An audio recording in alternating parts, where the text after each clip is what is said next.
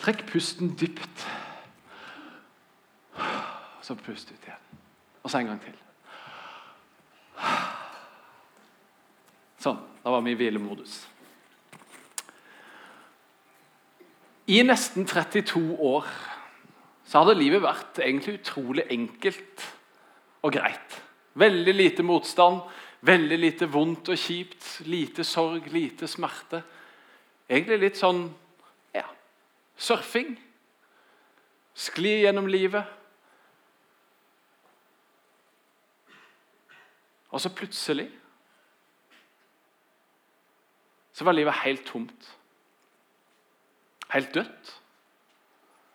Helt likegyldig. Helt følelsesløst. Det var liksom ingenting.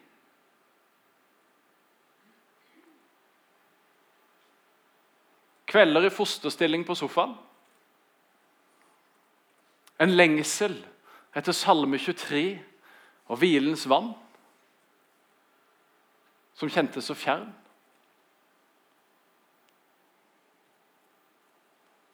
Det er to år siden nå. To år siden Gud leda meg gjennom en mur som var helt nødvendig for meg å møte og komme forbi. Mitt liv som hadde vært så enkelt og så greit hele tida. Trygg og god oppvekst og ikke noe problem. Og så plutselig så var det bare tomt. Jeg hadde ingen energi. Og Jeg lå på sofaen i fosterstilling. Jeg var ikke deprimert eller lei meg eller trist. Det var bare tomt. Det var ingenting. Det var ingen glede og ingen latter. Det var heller ingen sorg eller noe annet. Det var bare tomt. Og så Gjennom en prosess på to-tre måneder cirka, kanskje lenger, men i hvert fall da var det mest intenst, så oppsøkte jeg mennesker å snakke med. Gjennom samtalerommet som vi har i menigheten her, blant annet. Andre som jeg kjenner, på, kjenner har tillit til. Og Gjennom samtaler med mennesker så viste Gud meg hva den muren i mitt liv var for noe. Jeg hadde lest masse og kunne mye om nåde. Jeg visste det så godt her oppe. Gud elsker meg helt ufortjent. Jeg trenger ikke gjøre noe for å fortjene det.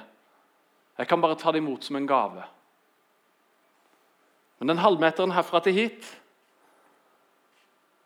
den brukte jeg ca. 32 år på nå.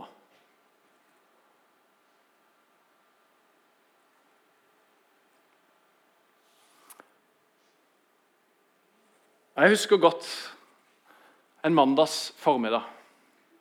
Det var mandagen etter Menighetsviken for to år siden. Jeg lå på sofaen hjemme. Kjente meg nokså tom. Jeg hadde merka at ting hadde begynt å bli bedre, men fremdeles var det tomt og dødt og lite. Jeg tok fram Bibelen og prøvde å lese en salme, sikkert for å være flink gutt, sånn som jeg pleide. Og Det var ikke et eneste ord som sa meg noen ting. Jeg fikk ikke med meg noe som helst av teksten. Jeg bare la vekk Bibelen. Så hadde jeg begynt å lese en annen bok som jeg fiska opp. og begynte å lese i den. Og mens jeg leste, mens jeg lå der på sofaen, så var det som om noe landa i meg. Det var som om mynten ramla herfra og til hit. Og Plutselig så kjente jeg Guds nåde i mitt liv. Og Så forsto jeg hva som var årsaken til at jeg ikke hadde erfart nåden tidligere. Og det ordet det er hvile. Jeg hadde levd 32 år av mitt liv uten å ha peiling på hva hvile var for noe. Eller at hvile er viktig. Eller at hvile er en gave, en velsignelse fra Gud. Et tegn på Hans nåde. Vær så god, slapp av, nyt livet, gjør det du har lyst til. Jeg levde med en sånn tanke om at jeg måtte være sliten, jeg måtte ha strevd, jeg måtte ha kjempa. Da kunne jeg hvile med god samvittighet. Det var noe jeg måtte ha fortjent. Det var noe jeg kunne unne meg når jeg hadde stått på litt ekstra. Og så plutselig så ramla det herfra til hit, og så skjønte jeg at Det er jo ikke det som er Guds budskap, det er ikke det som er Guds nåde. At jeg skal streve og gjøre så godt jeg kan, og så fortjener jeg hans kjærlighet. Nei, Den kan jeg jo ta imot som en gave. Vær så god. Vil du ha den? Ja, det vil jeg gjerne. Men jeg levde ikke i nåden. Jeg visste hva det var for noe, jeg hadde hørt om det, hadde kunnskap om det, men jeg hadde forferdelig lite kjennskap til det. Og det som åpna dørene mine, det var ordet hvile. Og det var erfaringa av hvile. Og det var at Gud unner meg hvile. Han gleder seg når jeg ligger på sofaen og gjør ingenting. Han gleder seg over at jeg er ute og nyter hans natur når jeg går på ski eller er på sjøen eller lager god mat sammen med familien. Og bruker det han har skapt. Da erfarer jeg Guds nåde. Og Nåde og hvile det henger helt sammen for meg. Og Det er grunnen til at jeg har lyst til å si noe om det i dag. Hvile, det er fordi at jeg har snudd hele mitt liv på hodet. Den lille, tynne boka av Thomas Sjødin, 'Mens du hviler', samtalen med de menneskene som jeg har rundt meg, den prosessen som Gud leder meg gjennom, det endra mitt liv. Det revolusjonerte mitt liv. Når jeg forsto at hvile, det er viktig. Når jeg hviler, så tar jeg livet på alvor. Og Derfor har jeg stort fokus på å hvile. Og så er det helt avhengig for at jeg skal kjenne Guds nåde. tror Jeg Jeg hadde rota meg vekk i prestasjon, i mine egne gjerninger, i eget strev, hvis jeg ikke hadde vært tydelig på å sette av tid til hvile. Litt hver dag, én dag i uka og lengre perioder. For du som er ny her i dag, eller ikke har vært her på forrige søndag eller for tre uker siden, når vi starta taleserien vår, så er vi inne i en taleserie som heter Tid for service, som strekker seg gjennom fastetida. Og Fastetida det er en sånn uh, periode før uh, påske, peker fram mot påske. og Det er en ypperlig tid til å stoppe opp, til å trykke på pauseknappen i sitt eget liv og kjenne hvordan er det jeg bruker tida mi, hvordan forvalter jeg det som Gud har gitt meg. Hvordan lever jeg egentlig livet mitt? Paulus han oppfordrer oss til å, se nøye over hvordan vi lever, og at vi burde bruke den dyrebare tida godt. snakka jeg om litt for tre uker siden. Og så så vi på noen vers fra Matteusevangeliet som Jesus sa. Der han sier det kommer på veggen. Kom til meg, alle dere som strever og bærer tunge byrder, og jeg vil gi dere hvile. Det er nådens utgangspunkt. Det er Jesus. Han har gjort alt ferdig for oss. Vær så god. Jeg vil gi dere hvile. Vil du ha det? Kom til meg, sier han. Og Så sier han videre, Ta mitt åk på meg, på dere, og lær av meg. For jeg er mild og ydmyk av hjerte. Så skal dere finne hvile for deres sjel. For mitt åk er godt, og min byrde er lett. Jesus levde sitt liv på en måte som vi kan lære noe av, som vi kan se etter, som vi kan ta etter.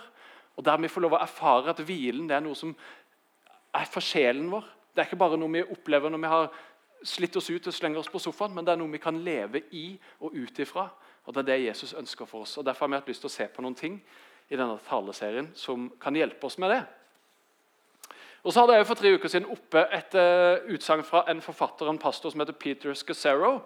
Uh, og Han har skrevet dette her. Hvis du ba meg om å oppsummere det jeg har uh, det kommer på skjermen det tror jeg, observert om den åndelige tilstanden til dagens kristne, ja, så vil jeg si vi føler at vi har kjørt oss fast på vår åndelige reise med Jesus. Vi snylter på hverandres åndelighet. Vi lever adspredt, fragmentert og usentrert. Vi er slitne fysisk, åndelig og emosjonelt. Vi lever på en overfladisk åndelighet som bare stikker et par centimeter under overflaten. Vi ber lite og har svært lite fellesskap med Gud.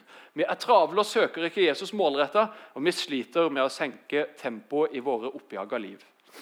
Og Målet og ønsket for denne taleserien er at vi skal kunne gjøre noe hvis du kjenner på noen av disse tingene i ditt liv, og legge til rette for at vi kan leve litt annerledes og kjenne at Gud gjør noe annerledes i oss. At vi kan leve mer sånn som Jesus gjorde. Rett og slett. For han levde et godt liv. Han sa, 'Ta min byrde på dere, mitt åk, for det er lett.' Og I dag så altså temaet hvile. Forrige gang var det materialisme og forvalteransvar. Hvordan vi bruker pengene våre. Og at det å gi er bedre enn det å få, egentlig. i bunn og grunn. Dele med det vi har. Være rike på gode gjerninger. Og I dag så er altså temaet hvile. Og Vi lever i et samfunn som er utrolig hektisk, og som det går vanvittig fort. Og Stadig flere begynner å operere med sånn 24-7. Ting som er åpne døgnet rundt, sju dager i uka. McDonald's her oppe begynte med det for ikke så lenge siden. DNBs kundesenter en eller merkelig grunn har åpent 24-7. Bensinstasjoner rundt oss osv. osv. Alt skal være tilgjengelig hele tida. Sånn lever jo vi våre liv òg. Vi er jo pålaga konstant. Og Hvis den er et sted der ikke det er 4G-dekning eller mobildekning, eller så, så blir vi jo helt stressa. Hva skjer nå? liksom? Jo, folk kan jo ikke få tak i meg. Jeg må jo være tilgjengelig at all times. Hvis ikke så er det full krise. Og så blir vi superstressa hvis ikke vi har tilgang på ting. På søndag når plutselig butikken er stengt og jeg trengte brød og melk, hva gjør jeg nå? liksom? Og vi lever i et sånn stressende, hektisk samfunn som maser om at vi skal være tilgjengelige hele tida, at alt skal være tilgjengelig hele tida, og at ting skal gå i et utrolig høyt tempo. Vi løper gjennom butikken og rasker med oss det vi trenger uh, å handle. Kommer til kassa, har glemt selvfølgelig sånn grønn handledings, og så kommer vi der.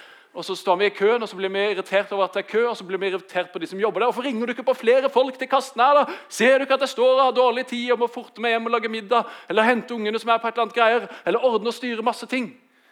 Eller så kan det være at vi ikke er på butikken, for vi har jo fått sånn godt levert på døra. da de kommer med alt du skal lage til middag neste uke i en sånn kasse. og så vær så god, her er det oppskriftene på det du skal lage. Så tror vi kanskje at det skal gjøre ting enklere, men da bare har vi jo trenger vi ikke å tenke på å gå på butikken. Men vi stresser med masse andre ting. Vi er litt lenger på jobb, og så kommer vi i siste liten for å hente ungene her og der. og så lever vi sånne hektiske. Er det bare meg, eller er det flere? Ja, Vi lever sånne hektiske liv. Vi stresser, vi sørger for å være effektive i det vi gjør, og så skal alt det vi gjør, det skal være nyttig. Og En som jeg kjenner godt, som for øvrig sitter i salen her, som dere også kjenner godt, han kjøpte seg elsykkel for et par år siden. Og Han sa det at det var så merkelig når han fortalte folk at han hadde fått elsykkel. Så spurte alle men får du noe trening av det. da? Så må målet med å kjøpe elsykkel være å trene? Nei, det var å komme seg rundt. Det var å se det fine som er rundt oss, på en annen måte enn å kjøre bil. eller at det var for langt å gå. Så han har sykla til Homborsund, og til Brekkestø og til Lillesand. Han har gjort et bedagelig tempo sammen med gode venner og nytt livet. Han har hvilt.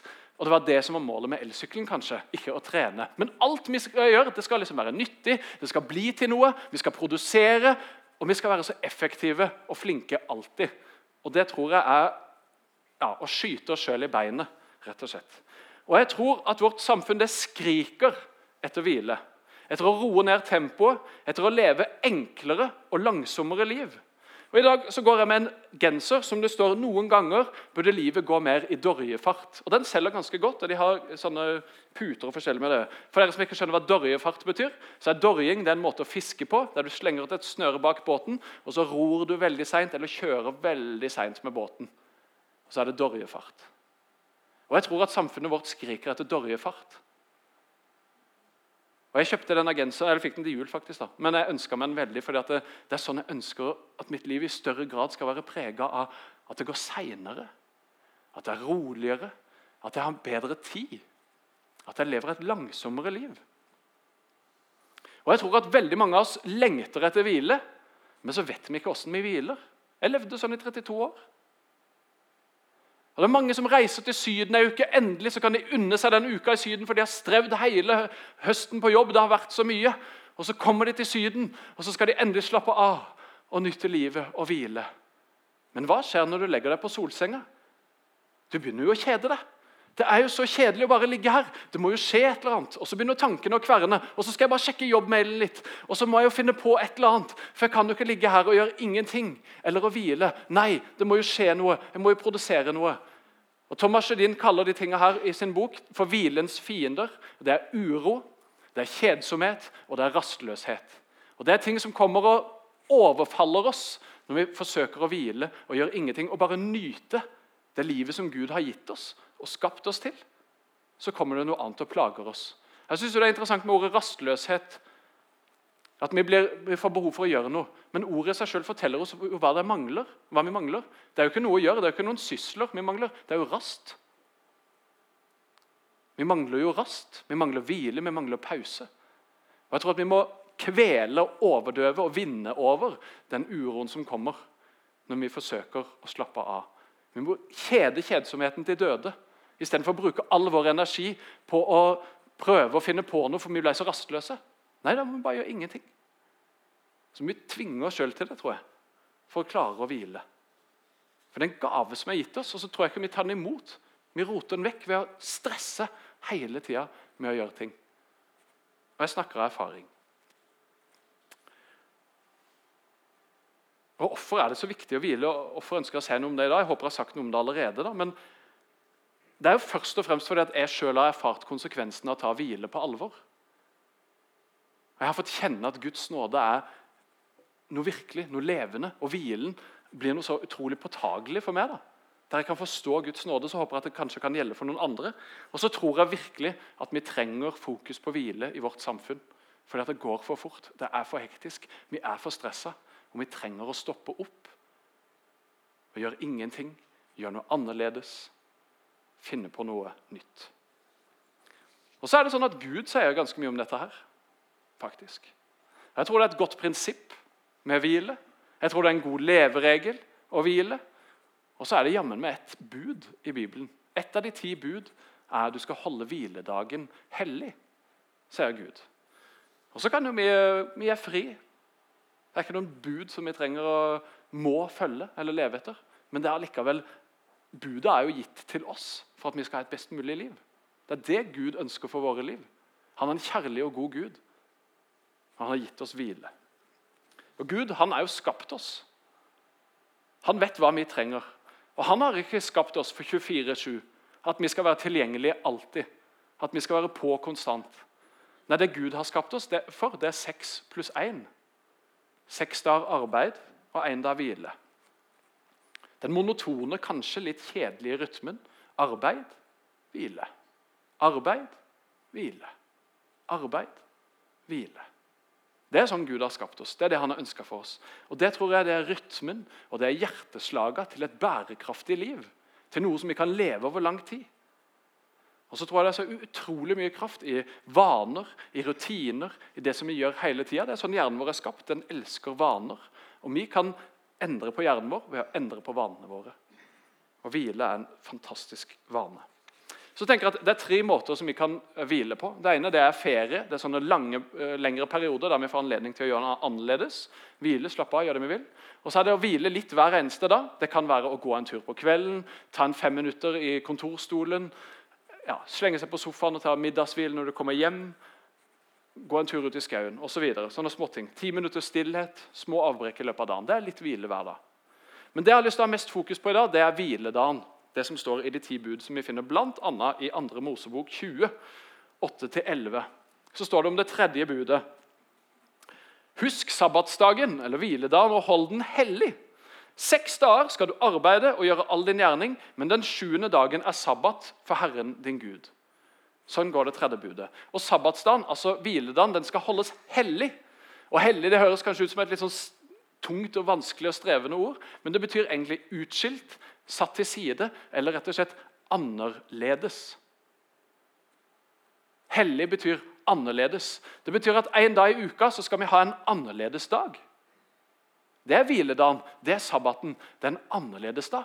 Og Ved å gjøre den annerledes enn de seks andre, ved å jobbe seks dager og hvile en dag, så gjør vi den annerledes, og så kan vi ære Gud. Og så ønsker Gud at vi skal ta i bruk det som han har gitt oss den dagen, og glede oss over det og nyte det. Seks pluss én, altså. Så står det videre Da skal du ikke gjøre noe arbeid. Verken du eller din sønn eller slavekvinnen din, verken buskapen din eller innflytteren som bor i byene dine. Og Her ser vi at Hele samfunnet stopper opp. Hele samfunnet velger å hvile. Alle slutter å jobbe. Det gjelder alle. Og Det som er veldig interessant, er at jødene de ble spredt over hele verden. I ja, nesten 2000 år så bodde de over hele verden. Og så I 1948 så fikk de landet sitt Israel, og så begynte jødene å vende tilbake. Og Det utrolige var at Den jødiske kulturen den har holdt stand gjennom alle de åra. Og de ser at En av hovedårsakene til at jødene har klart å beholde sin kultur Det, helt, altså, det skulle ikke være mulig at den jødiske kulturen og språket og alle de tingene skulle kunne holde stand etter så lang tid. Men de ser at en av hovedgrunnene til det, det er sabbaten.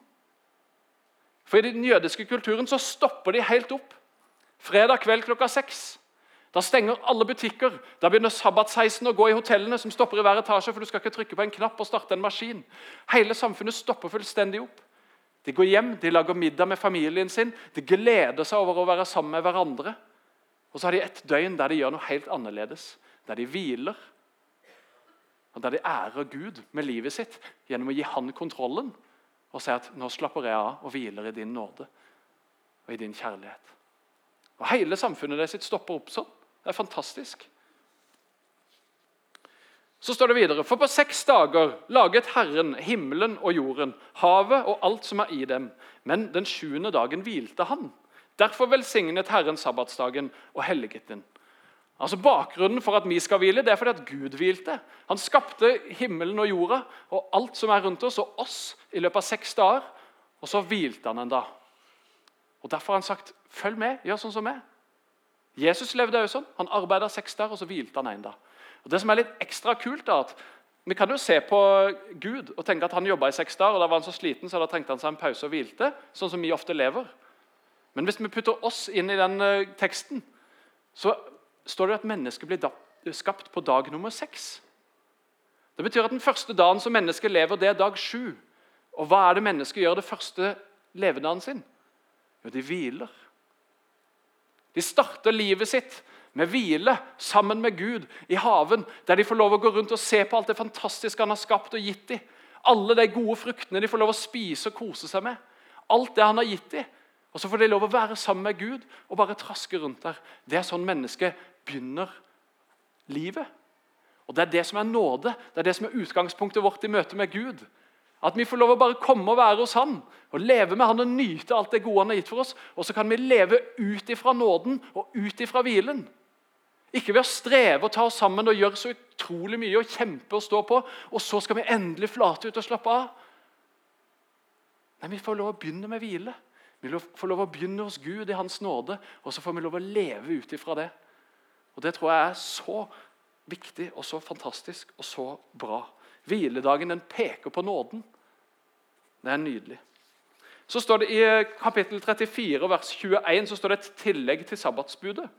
For Da står det seks dager skal du arbeide, men på den sjuende dagen skal du hvile. Selv om det er tid for pløying eller høsting, skal du hvile. Og Jeg levde lenge sånn og tenkte, jeg hadde hørt om hvile da, og at folk satt av en dag i uka der ikke de jobba de gjorde noe annerledes. Så jeg tenkte det er helt umulig. Det går ikke an. Jeg får ikke det til. Men så har jeg begynt å gjøre det. Hver mandag har jeg hvile. da. Beste dagen i uka. Elsker mandag. Og så, Det er sikkert ingen andre som elsker mandag, for da er dere på jobb. Men øh, det er fantastisk. Men jeg trodde at det går jo ikke an. Det er ikke mulig. Hvordan skal jeg klare å presse inn en sånn 24-timers bolk i uka mi der jeg ikke skal gjøre de vanlige tinga? Men så har jeg valgt å gjøre det likevel. Og så har jeg kjent hva det gjør med meg. Og så kan det være du sitter og tenker jeg har ikke sjans. Det er alltid for mye å gjøre på jobb. Jeg må jobbe litt på søndagen for å klare å ta unna det som er der. Eller huset ser jo helt bomba ut. Vi er nødt til å rydde og vaske og gjøre det fint. Eh, og det gjør det jo sikkert hver dag, i hvert fall hos oss. Men, eh, og noen ganger bare tenke at vi tar det i morgen. Vi tar det en annen dag. Det går fint. Det går bra. Og jeg tror at Gud sier dette til oss. For, for det første så er det viktig å hvile og gjøre noe annerledes. Men han ønsker å gi oss beskjed om at vet du hva? jeg har kontrollen her. Hvis du velger å leve sånn som jeg gjør, og sånn som jeg ønsker for ditt liv, så er du i min hånd. Det går bra om ikke du får gjort de der arbeidsoppgavene akkurat i dag. Det går bra om du gjør det i morgen. Eller stå på litt ekstra i går, eller ta det en annen dag. Men sørg for å ha 24 timer hver uke som du hviler, som du gjør noe annerledes. Som du nyter livet, gjør det som du liker, og slapper av. Og så er det Mange som har vokst opp med en sånn loviskhet knytta til dette med hviledagen og søndagen. Der det ikke lov å gjøre noe som helst. Du skal ikke arbeide. Og så fikk en ikke lov å strikke eller spille kort eller spille fotball. Eller gjøre sånne gøye ting. Og det er klart at Hvis jobben din er å strikke gensere til folk, så har du godt av å hvile fra strikking en dag i uka. Men hvis du hviler mens du strikker, så selvfølgelig skal du strikke på hviledagen. Hvis du elsker å spille fotball, og ikke det er jobben din som du gjør seks andre dager i uka, så selvfølgelig spiller du fotball og koser deg på hviledagen din. Det er ikke noe loviske greier. Du skal ikke gjøre noe som helst. Du skal gjøre det som er annerledes, det som du liker å gjøre, det som du setter pris på. Gud har gitt oss det i gave. Det er ikke en tvangstrøye, det er ikke en straff. Det er en velsignelse. Det er til glede for oss. Tenk så deilig å kunne bruke en hel dag i uka på å gjøre akkurat hva du vil. Det er det Gud har sagt til deg. Det er fantastisk. Og Jesus han sier også noe om sabbaten. Fordi at De skriftlærde, de religiøse lederne, de hadde gjort dette til en tvangstrøye. De hadde gjort dette til loviskhet og religion, der du må gjøre sånn og sånn og sånn, og sånn, og du skal ikke gjøre ditt og ditt og datt. Og Så sier Jesus dere er helt på trynet, dere er helt på villspor. Gud skapte ikke mennesket for sabbaten sin skyld. Nei, Han skapte sabbaten for menneskets skyld. Som en gave, som en velsignelse, som noe å glede seg over. Som en dag å hvile på, ikke som noen tvangstrøye. Han ga oss en annerledes dag i uka der vi kan nyte friheten, vi kan nyte hans skaperverk som er rundt oss. Få tid til å stoppe opp og se på alt det fantastiske som han har skapt rundt oss. Vi kan nyte god mat som han har gitt oss. Ta, spis. Inviter familie og venner på besøk. Vær sammen med folk du er glad i. Ha det gøy. Finn på noe moro. Vær annerledes den dagen. Lev annerledes. Og Hvilken ukedag eller når du velger, det kan være forskjellig for oss. Men for de fleste så tror jeg faktisk at søndagen fremdeles er veldig god. Fordi at I noen grad så er samfunnet vårt fremdeles preget av en sånn 6 pluss 1-tanke. På søndag så er de fleste butikker stengt. Og Veldig mange går på tur. Eksempel. de lager god middag, de inviterer folk hjem. Og de hviler og lever litt annerledes, rett og slett. Allerede sånn som det er nå. Og så har vi loven om helligdagsfred, som sier at ikke du har lov å bråke med maskiner for naboene dine. Sånn, fordi at vi trenger å hvile og slappe av. Så jeg vil oppmuntre til Søndag er en supergod dag. Og så er det jo kirkedag. Og noe av viktigheten med hviledagen og helligdagen det er jo å være i kontakt med Gud og hans storhet og hvem han er. Og det å komme hit det håper jeg gjør at du er i kontakt med Gud. Og Det er det mange som gjør på søndag. Jeg jobber jo stort sett på søndag, så min hviledag det er da som sagt mandag. Og Jeg har blitt hard på å si at det er min hviledag. Da har jeg ikke jobbmøter. Da sier jeg nei veldig oftere enn ja. Det er ikke alltid det går, dessverre. Skulle ønske jeg alltid klarte det. Men det står hviledag i kalenderen min. Den er utskilt, den er annerledes, og det er favorittdagen i uka. Og Så sier Thomas Sjødin i den boka si 'Mens du hviler' Jeg tror det kommer opp her. Hvile det er ikke først og fremst å gjøre ingenting, selv om det kan være absolutt god hvile. det. Hvile er å gjøre det man nyter eller har godt av. Og framfor alt hvile er å gjøre noe annet. Så åssen hviler du? Det er et spørsmål å stille seg der. Hvordan hviler jeg? Når hviler jeg? På hvilken måte? Jeg kan fortelle litt om hvordan jeg gjør det. Jeg hviler godt når jeg ligger på sofaen og leser en god bok. Jeg hviler når jeg går med en liten tur i skauen hvis jeg går på ski, eller aller helst er på sjøen.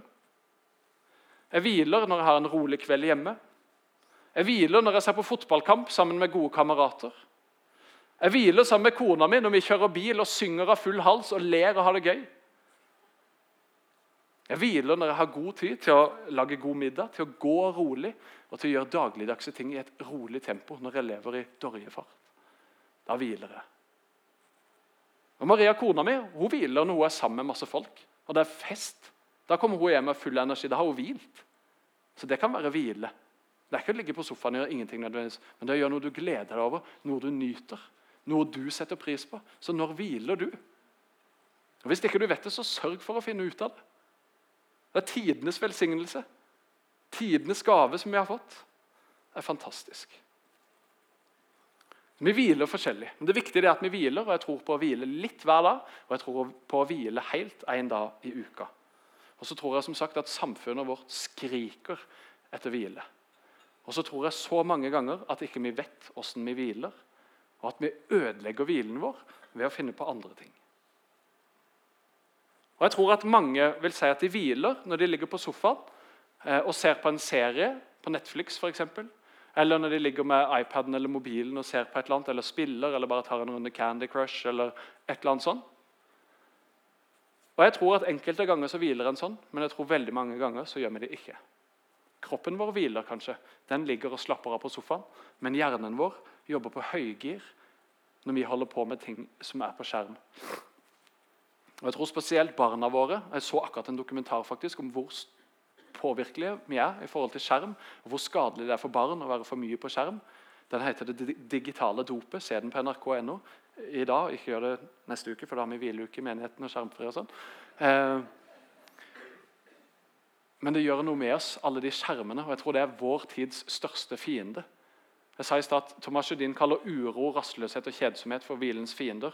Og jeg tror at skjermen er en fiende som jobber godt på lag med de andre. For så fort vi er rastløse eller kjeder oss, så finner vi fram en skjerm, og så ah, kommer det dopamin i hjernen vår som gjør at vi slapper av, tror vi, og nyter livet. Men det bare skaper mer og mer og mer og mer. og mer.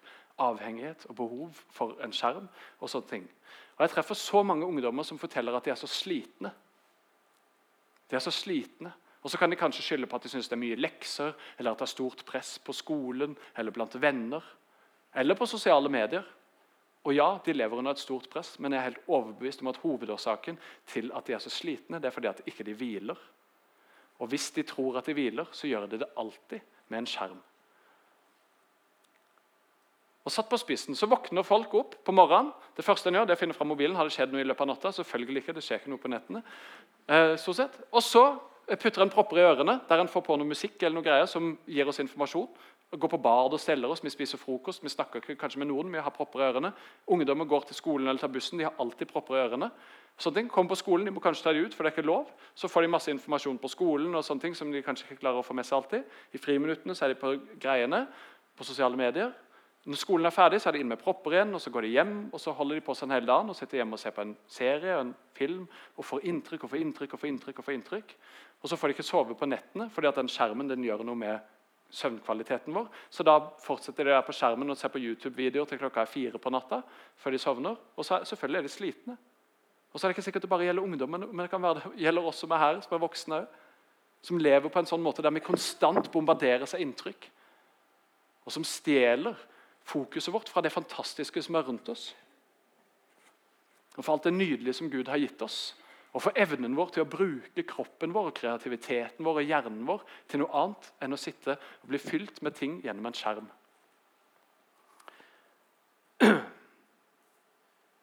Og Mandag, hviledagen min, det er en skjermfri dag for meg og mine unger. Og det er interessant at Ofte så kommer det oftere på mandag enn andre dager i uka så kommer det besøk til mine unger som har lyst til å være med og leke hos oss. For da spiller vi spill, og da finner vi på andre ting enn å være på skjerm.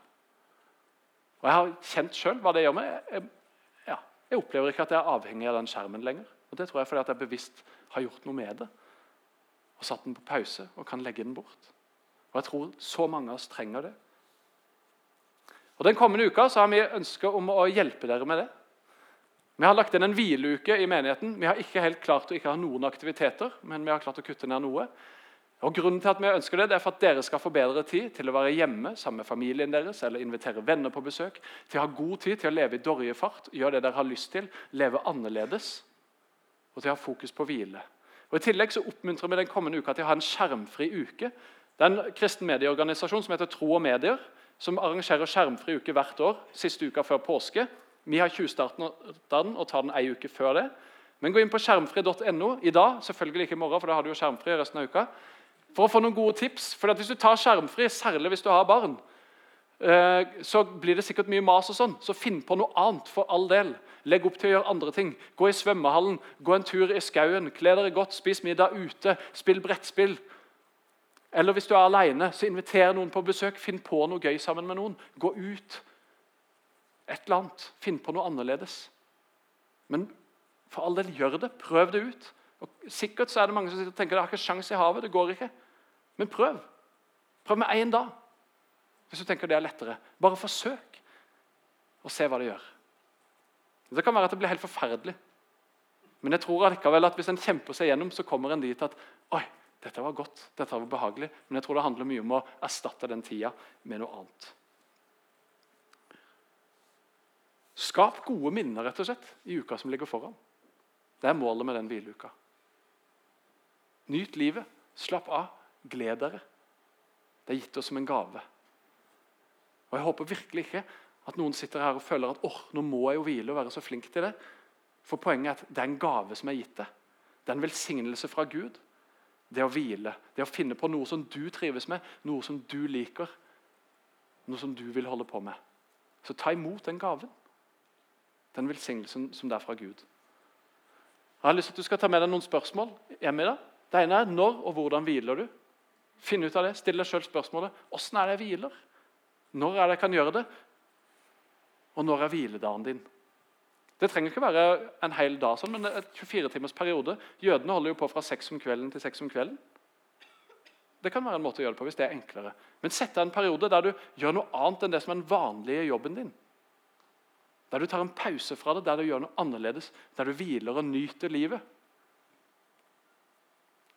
Og så følg skjermfri uke. Prøv det ut. Finn på noe annet. Gjør noe gøy. Du tar livet på alvor når du hviler. Hvile er viktig, hvile er nødvendig. Hvile er en velsignelse og en gave. Det er Guds nåde gitt oss. Jeg har bare lyst til at vi skal være helt stille bitte grann før jeg ber en bønn, og før lovsangstimen skal synge en sang for oss som vi kan sitte og lytte til.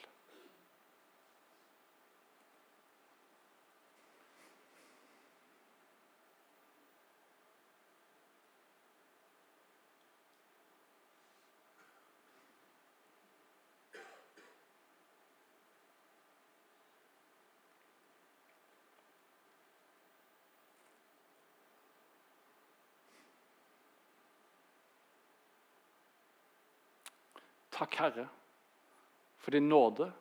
Takk for din godhet. Takk for din kjærlighet. Takk for at du er i rommet her akkurat nå. Jeg ber om at du skal komme og møte oss, at du skal la oss få kjenne og erfare og se mer av din nåde, mer av din storhet og mer av din godhet, Herre. Og hjelp oss å hvile. Å hvile med du, Herre Jesus. Hvile med alt det gode du har gitt oss.